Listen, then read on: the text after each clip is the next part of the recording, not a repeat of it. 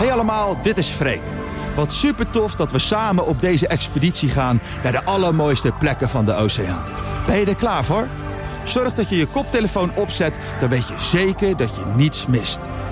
Luister mee en sluit je aan bij Expeditie Oceaan.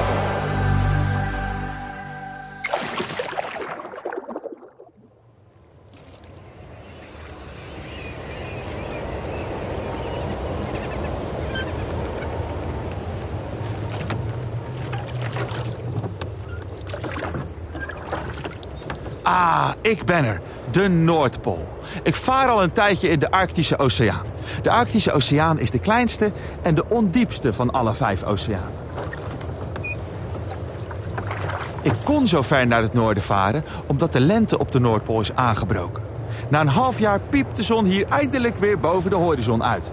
En warme zonnestralen betekenen in deze wereld van sneeuw en ijs natuurlijk... Juist, smeltend ijs. Niet alleen het ijs op het omringende land rond de Arctische Oceaan smelt... maar ook de metersdikke ijslaag op de oceaan zelf gaat op veel plekken dooien. Er komen allemaal barsten, gaten en scheuren in de bevroren oceaan. Dus waar ik in de winter helemaal niet zou kunnen varen... kan ik dat nu wel. En niet alleen ik, maar ook de dieren die op en rond de Noordpool wonen... bewegen mee met het ijs.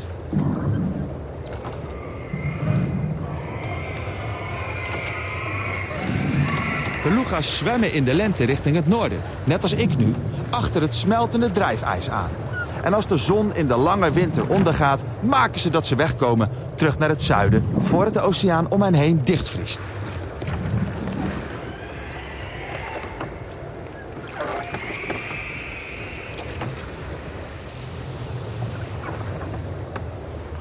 Narwals, die op beluga's lijken, blijven zelfs in de winter rondhangen onder de ijslaag in de oceaan.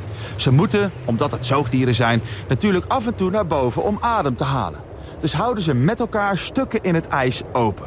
Maandenlang.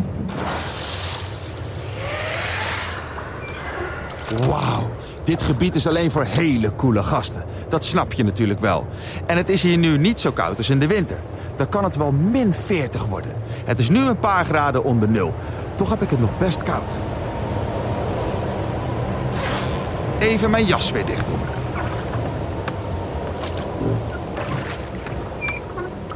De zoogdieren die hier leven hebben van zichzelf al een dikke jas aan. Polvossen, polwolven en ijsberen hebben een heerlijke dikke vacht.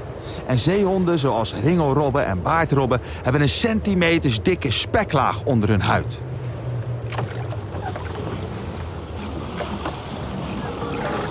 En nu zijn hier ook andere enorme blubberbuiken te vinden. Ik uh, ruik al iets.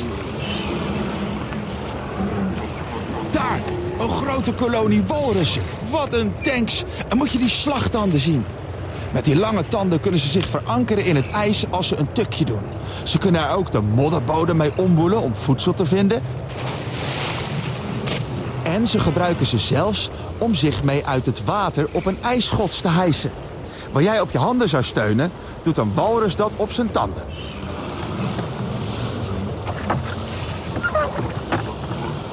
Wacht, ik zal ook even uitstappen bij die ijsschots.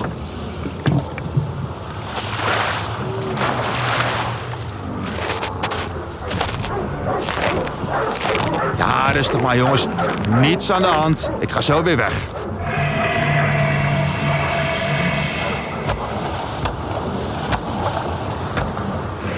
Walrussen, vooral de grootste mannen, gebruiken hun slagtanden ook als wapen. En rond deze tijd krijgen de walrussen lentekriebels. Het is paartijd. Dan komen ze allemaal vanuit open stukken in de Poolzee... waar ze de rest van het jaar rondzwemmen... ieder jaar naar dezelfde gebieden om te paren en jonkies te krijgen. Dit zijn zo te zien allemaal mannetjes. Die komen als eerste op de paargronden aan... en dan gaan de grootste mannen vechten om een territorium. Als de vrouwtjes later arriveren, zijn alle plekken veroverd. De grootste bazen krijgen de beste plekken en de meeste vrouwtjes. Holy moly, dan krijg ik het liever niet mee aan de stok. Eh, tand. Ik ga al, ik ga al. Rustig, rustig.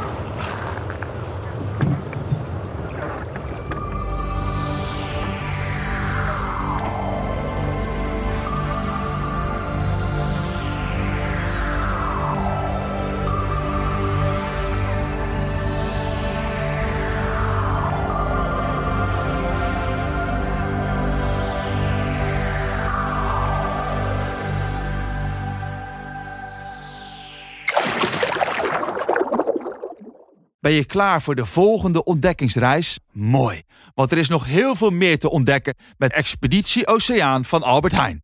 Kijk in het bewaaralbum of in je favoriete podcast-app.